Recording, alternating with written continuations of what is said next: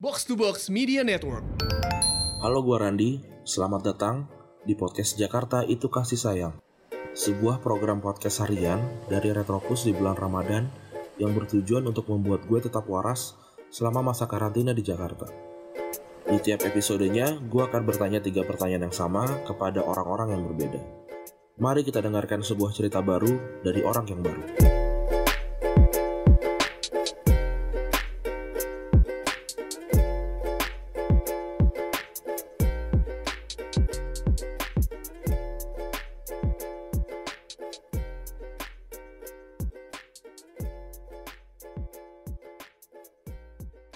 Oke, ini adalah Jakarta itu kasih sayang episode kelima.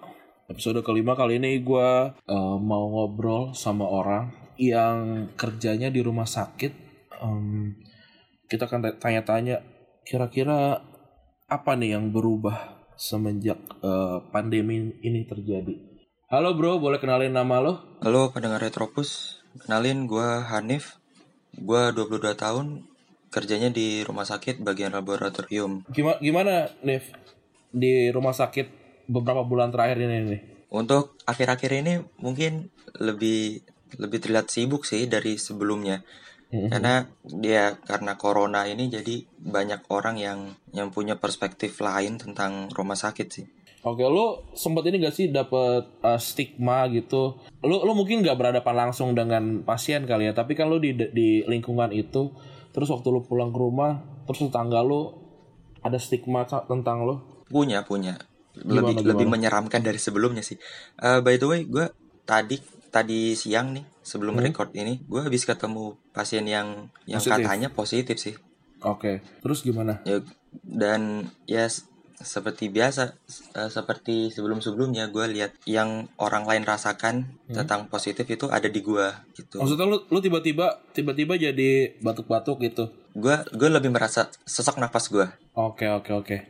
Tiba-tiba kayak kayak semua semua simptom tuh lu, lu punya ya gitu. Iya ya? iya iya demam sesak napas itu di awal-awal gue ketemu pasien corona sih. Hmm. Tapi setelah setelah akhir-akhir ini ngerasa aman-aman aja kok. Itu di uh, rumah sakit pasiennya pasien coronanya sebanyak itu uh, nih. Kalau di rumah sakit gua, kalau yang positif, kalau yang positif nih yang gua tahu ya itu sekitar 10 orang. Itu di ruangan khusus. Kalau boleh gua buka sedikit, itu ada hmm. orang karyawan situ juga yang positif sih. Oke, okay, berarti dia terdamp terdampak karena dia lagi ngobatin ya. Terus kena iya, gitu ya. Kontak-kontak sama pasien oh. yang yang sebelumnya belum tahu kalau dia ternyata positif corona juga. Nah, lu kan sih. Lu kan ini ya, lu kan nggak nggak ber, berhubungan langsung, tapi uh, apakah lu pakai uh, alat pelindung diri yang selengkap itu apa gimana di sekarang? Iya, mau nggak mau harus pakai lengkap sih, hmm? karena takutnya yang datang ke rumah sakit positif juga. Oke, nggak nggak pernah ada yang tahu ya dia sakitnya apa, ternyata kenanya uh, corona iya gitu ya. kadang ya kadang kan sebelum datang ke rumah sakit harus di screening dulu nih bang. Lihat dulu uh, cek suhunya kayak gimana. Nah pas sampai laboratorium bawa formulir pendaftarannya Tara bilang nah ini pasien PDP gitu. Ditulis di situnya. Kan jadi kita yang yang mau meriksa curiga juga. Jadi jadi berarti uh, sekarang ini ya kerjaan makin makin banyak dan makin ribet gitu ya? Iya makin ribet.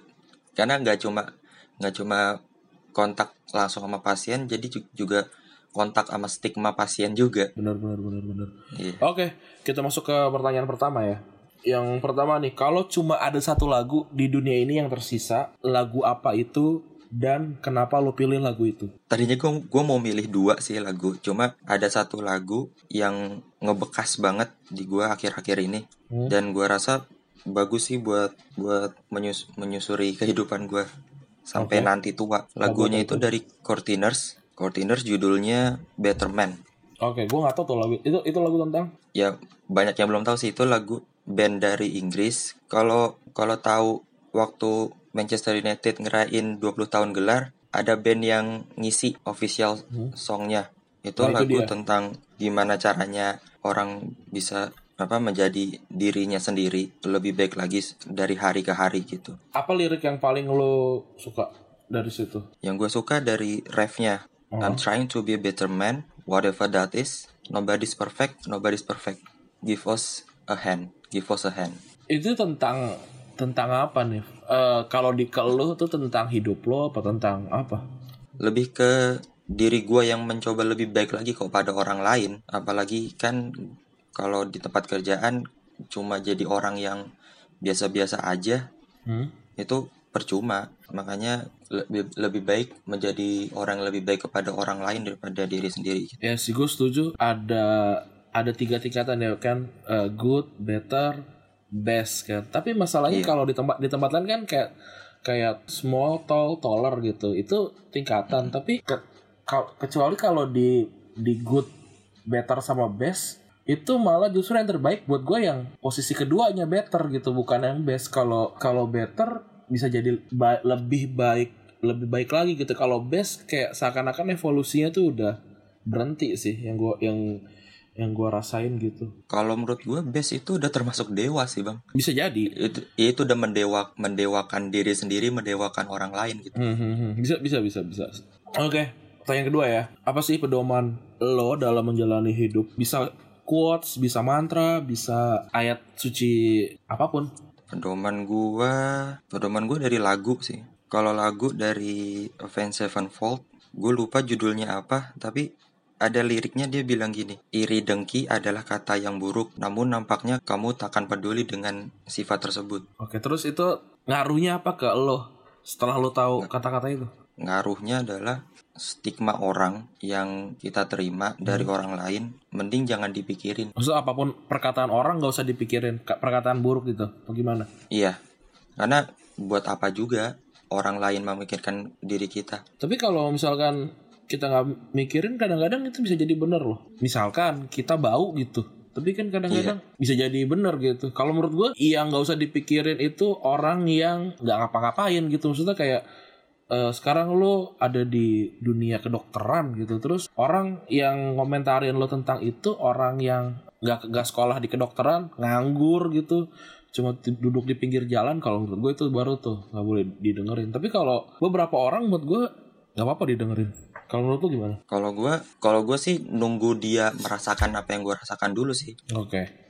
Soalnya kalau kalau dia nggak ngerasain apa yang gua rasain, mungkin dia akan mengeluarkan kata-kata yang lebih buruk lagi. oke pertanyaan terakhir ya apa yang berubah dari hidup lo semenjak pandemi covid-19 ini terjadi tadi kita udah ngomongin di depan tapi lo bisa kita bisa cerita lagi tentang ini Kalau dari kalau dari pekerjaan dia lebih lebih am- harus lebih aman lagi dari sebelumnya. Kalau dari sisi kehidupan mungkin banyak banget yang berubah ya.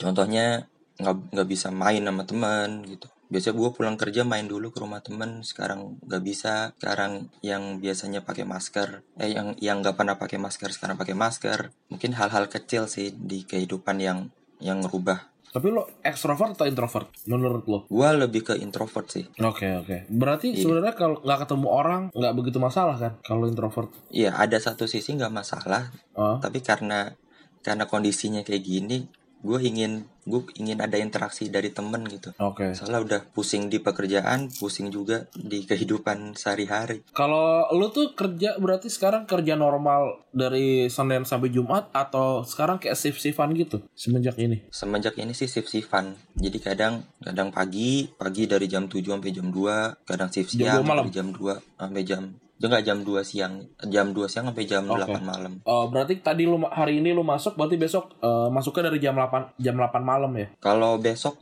dari jam 2 siang sampai jam 8 malam Oke deh, eh Nif, semoga sehat-sehat terus ya. amin sama-sama bang bang Randi Iya. juga sehat selalu Siap. Apalagi ya apalagi yang bisa gue doakan kepada tim lebih medis ya. lebih baik mendoakan diri apa dunia ini sih lebih baik lagi Gua gua nggak setuju kalau kita virusnya yang jelas. Iya enggak gue gue punya apa dapat stigma itu dari orang lain dan dan Ya, itu, itu- membebani hidup gue sih Itu kalau ada orang yang ngomong kalau kita virusnya ya udah fuck you lah gitu. pengen gue paperin langsung itu ya udah gitu ya Nif ya. Thank you Nif udah eh, berbagi cerita. oke sama-sama bang Oke, bye. bye retropus